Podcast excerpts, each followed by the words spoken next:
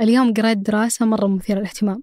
آه سووا دراسة على عشرين طالب عشرين طالب يعني أربعين توتل العشرين طالب خلوهم يمشون قبل الاختبار وعشرين طالب ثانيين كانوا في ركود يعني ركود حركة.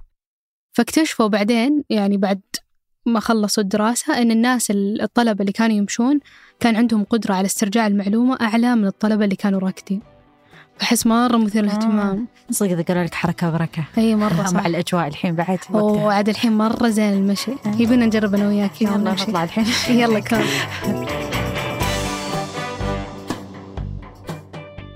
هذا بودكاست الفجر من ثمانية. بودكاست فجر كل يوم نسرد لكم فيه سياق الأخبار اللي تهمكم. معكم أنا رولا عبد الرحمن وأنا ديما العامر.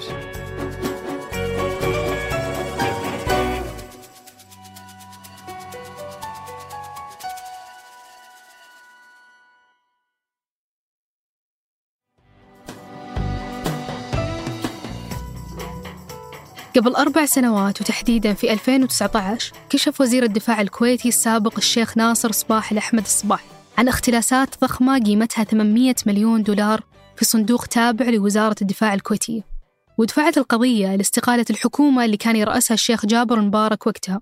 وأعلن وزير الدفاع الكويتي الراحل أحمد الصباح أن السبب الرئيسي لسرعة استقالة الحكومة هو وجود تجاوزات مالية كبيرة سببها وزراء ومسؤولين سابقين في الحكومة. وأشار أن الاستيلاء الأموال في الصندوق اللي كان معروف باسم صندوق الجيش صار قبل تعيينه كوزير للدفاع في 2017 وهذا الأسبوع حكمت محكمة التمييز الجزائية في الكويت بالسجن سبع سنوات لوزير الدفاع السابق الشيخ خالد الجراح ومسؤولين آخرين بتهمة إساءة استخدام أموال صندوق الجيش. وقضت بعدم إدانة أشخاص آخرين من بينهم رئيس الوزراء السابق الشيخ جابر المبارك لكنها ألزمته بدفع مبالغ مالية متعلقة بنفس التهمة. وشهدت القضية المعروفة باسم قضية صندوق الجيش الكويتي في السنوات الأخيرة اهتمام إعلامي وشعبي كبير في الكويت كونها واحدة من أكبر ملفات الفساد اللي شهدتها البلاد. وترجع بدايات القضية لنوفمبر 2019 لما قدم وزير الدفاع وقتها الشيخ ناصر صباح الأحمد بلاغ عن اختلاسات في صندوق الجيش للنيابة العامة. وتضمن هذا البلاغ وجود تجاوزات وشبهات اختلاس في أموال مخصصة للجيش الكويتي. بالإضافة إلى تورط أشخاص في الربح من صفقات شراء طائرات حربية. وضمت الاتهامات هذه تورط شخصيات سياسية بالفساد.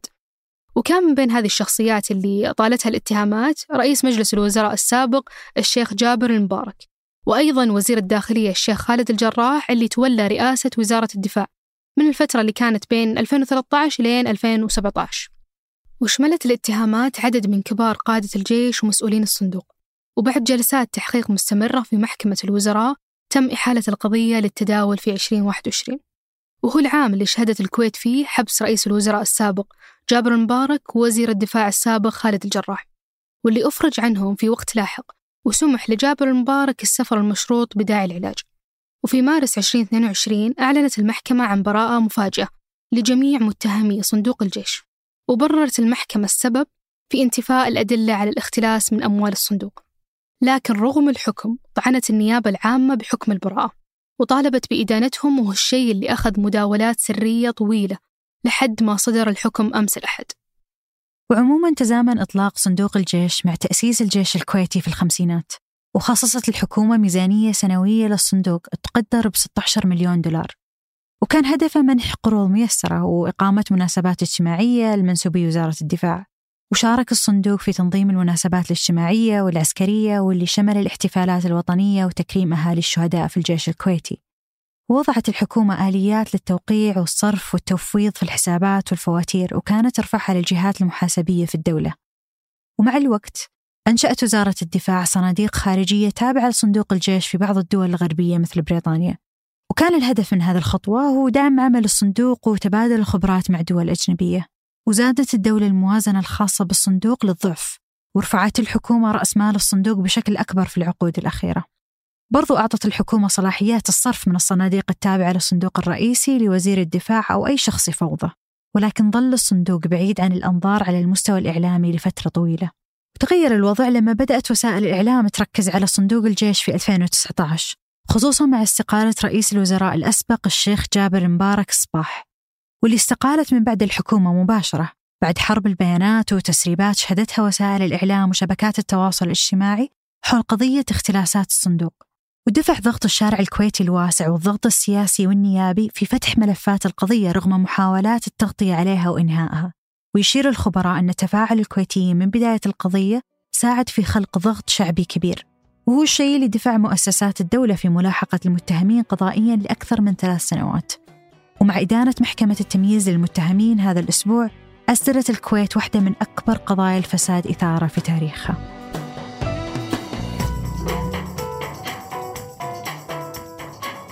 وقبل ننهي الحلقة هذه أخبار على السريع.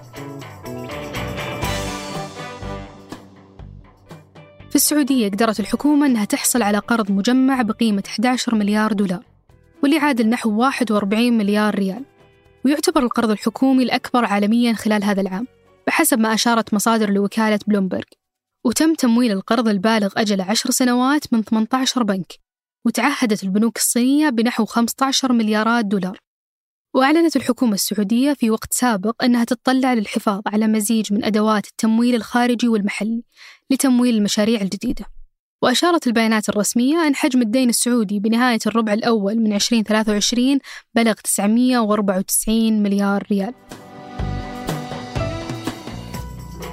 كشف العدد الأخير من تقرير البنك الدولي أن عدد العاملين بالقطاع الخاص السعودي بلغ 2.3 مليون عامل تقريباً وارتفع مع نهاية النصف الأول من 2023 ل 153 ألف عامل تقريبا مقارنة بنهاية النصف الأول من السنة الماضية.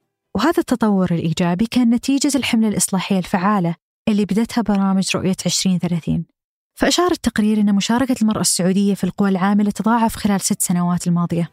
فلما نجي نقارن نسبة مشاركة المرأة في أوائل 2017 كانت 17.4% وفي الربع الثاني من 2023 هالسنة ارتفعت إلى 35.3%.